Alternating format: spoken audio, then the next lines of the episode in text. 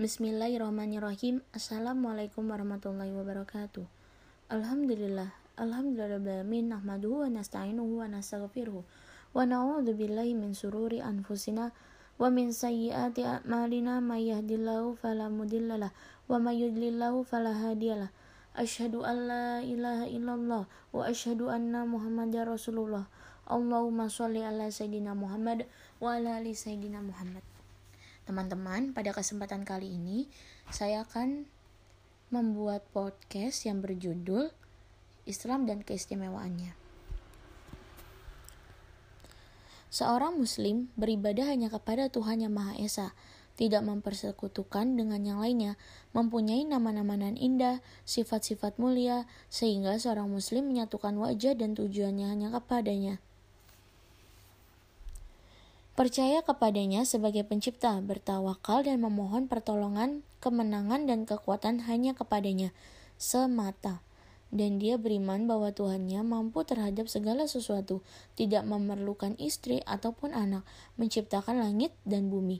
Dia yang maha menghidupkan dan mematikan, menciptakan dan memberi rezeki kepada seluruh umatnya maka seorang hamba akan memohon rezeki kepadanya, maha pendengar dan maha mengabulkan permintaan. Sehingga seorang hamba akan memohon agar dikabulkan oleh Tuhannya. Maha penerima taubat, maha kasih sayang, akan senantiasa menerima taubat hamba-hambanya, manakala berbuat dosa dan lalai akan ibadahnya. Maha mengetahui, maha mendeteksi, maha melihat yang mengetahui niatan dalam hati, dan hal-hal yang tersembunyi, maupun buruk ataupun baik, sehingga seorang hamba akan malu dikalakan melakukan dosa dan berbuat zalim kepada diri dan orang lain, karena Tuhannya melihat dan mengetahui. Dia juga mengetahui bahwa Tuhannya adalah maha bijaksana, sehingga percayakan pilihan dan ketentuan Tuhan yang diberikan kepadanya. Tuhannya tidak akan berbuat zolim hamba kepada hambanya dan setiap ketentuan yang ditentukannya baginya adalah baik semua meskipun dia tidak mengetahui hikmah di balik itu semua.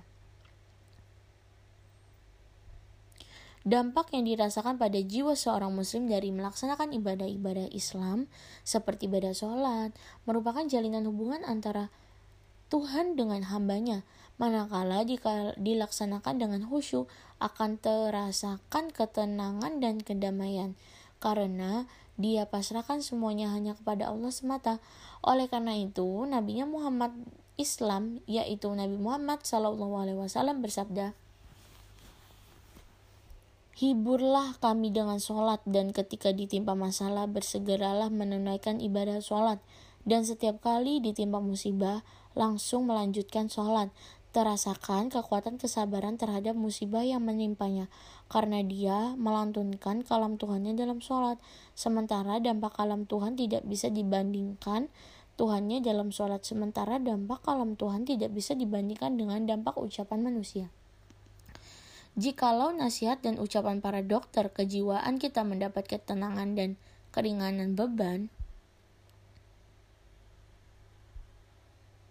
apalagi kam kalam Tuhan yang menciptakan dokter kejiwaan tadi.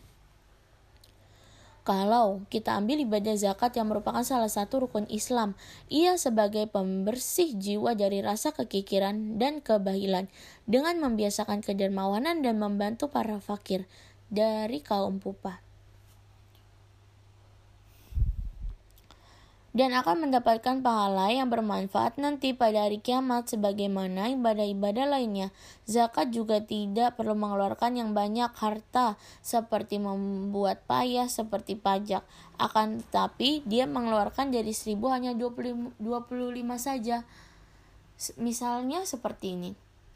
Kamu melihat orang pengemis di jalanan kamu hanya perlu menyisikan uang 5000 ataupun 10000 dan jangan lupa kalian membaca bismillah untuk memberi orang itu semoga berkah.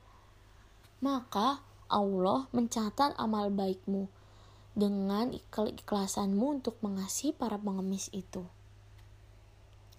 Dikeluarkan oleh seorang muslim dengan senang hati tanpa harus ada rasa kecewa ataupun rasa uh, penyesalan itu tidak boleh. Karena Allah mengajarkan umatnya untuk berbuat baik hati. Sementara puasa adalah mencegah dari makan dan berhubungan badan sebagai ibadah kepada Allah. Dengan adanya perasaan kebutuhan orang-orang yang lapar, begitu juga sebagai pengingat akan nikmat Al-Khaliq, Allah.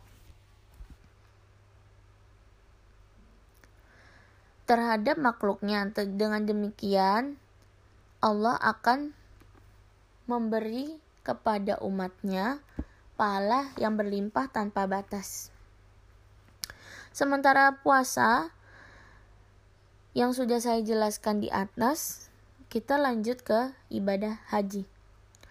Dan haji ke Baitul Ahram yang dibangun oleh Nabi Ibrahim alaihissalam komitmen dengan perintah Allah dan doa yang dikabulkan di sana sekalian bisa saling mengenal umat Islam dari penjuru dunia.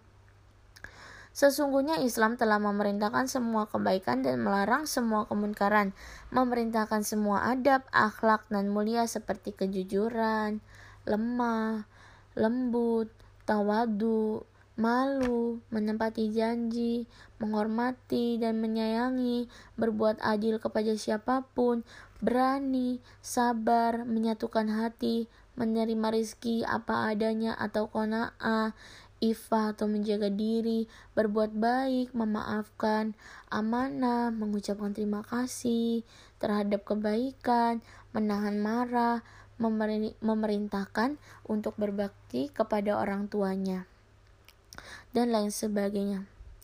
Jikalau non-Islam melaksanakan sebagian dari adab-adab ini, mereka melakukan cuma sekedar adab secara umum saja. Mereka tidak mengharapkan balasan dan pahala dari Allah begitu juga tidak akan mendapatkan kemenangan di hari kiamat nanti. Naudzubillah min dalik. Kalau kita ambil contoh apa yang dilarang dalam Islam, kita akan mendapatkan kemaslahatan kepada individu dan masyarakat. Semua larangan untuk melindungi hubungan antara Tuhan dengan hambanya, antara manusia pada dirinya dan antara manusia itu dengan dirinya sendiri. Coba ambil beberapa contoh untuk menjelaskan hal ini. Islam melarang menyekutukan Allah dan beribadah kepada Allah. Tidak boleh selain Allah, yang mana beribadah kepada selain Allah akan berakibat kehidupan yang sengsara, melarang mendatangi dukun, tukang ramal, melarang membenarkan ucapannya, melarang sihir yang memisahkan atau menyatukan dua insan, melarang berkeyakinan bahwa binatang-binatang dan galaksi di langit mempengaruhi kehidupan manusia, dan lain-lain. Allah tidak akan memberi kehidupan yang indah kepada umatnya, melainkan sengsara. Begitupun juga di akhirat nanti.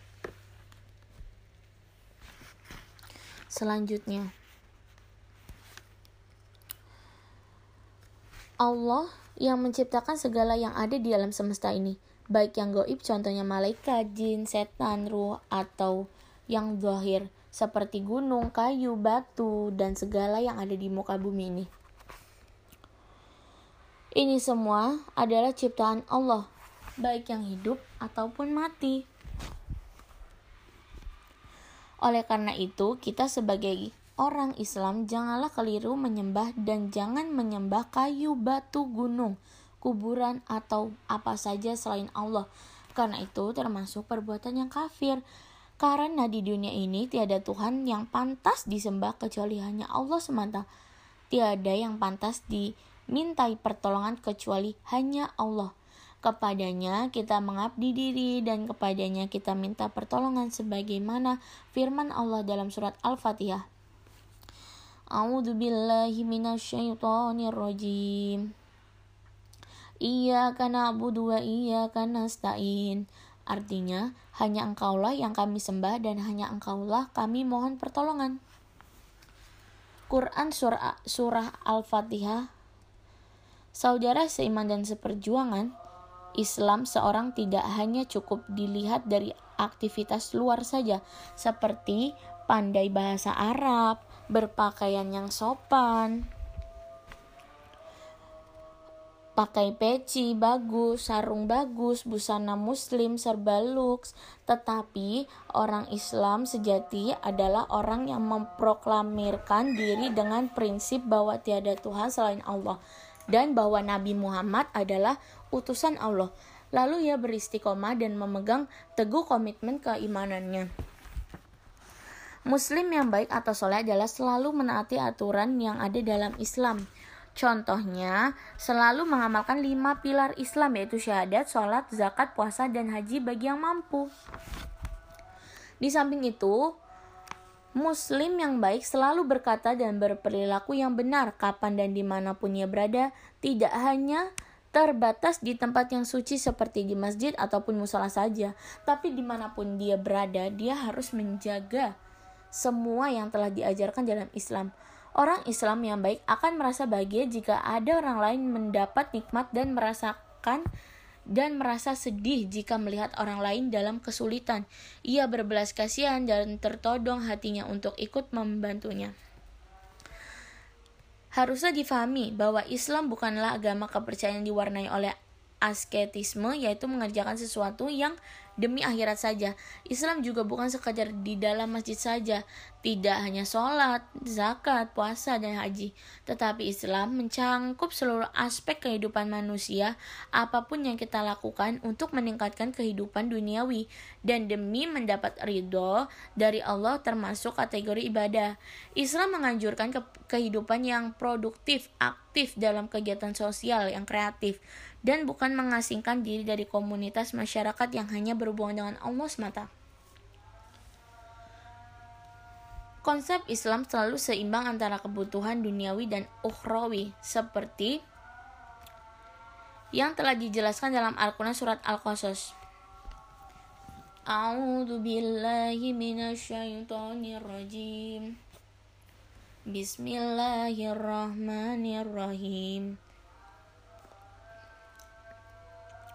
وابتغي فيما آتك الله الدار الآخرة ولا تنس نصيبك من الدنيا وأحسن كما أحسن الله إليك ولا أتبغي الفساد في الأرض إن الله لا يحب المفسدين yang artinya dan carilah pada apa yang telah dianugerahkan oleh Allah kepadamu kebahagiaan negeri akhirat. Dan janganlah kamu melupakan bagianmu kenikmatan duniawi. Berbuat baiklah kepada siapa pun sebagaimana Allah berbuat baik kepadamu. Dan janganlah kamu berbuat kerusakan di muka bumi ini. Sesungguhnya Allah tidak menyukai orang yang berbuat kerusakan.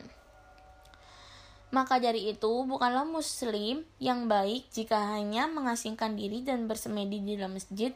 Sebaiknya juga bukan muslim yang benar jika di dunia ini hanya memburu kekayaan saja, tanpa menghiraukan kewajiban sebagai orang muslim, demi kebahagiaannya di hari kelak nanti. Wahai generasi muda Islam, sesungguhnya Allah telah memilih untuk kamu suatu agama yang lurus.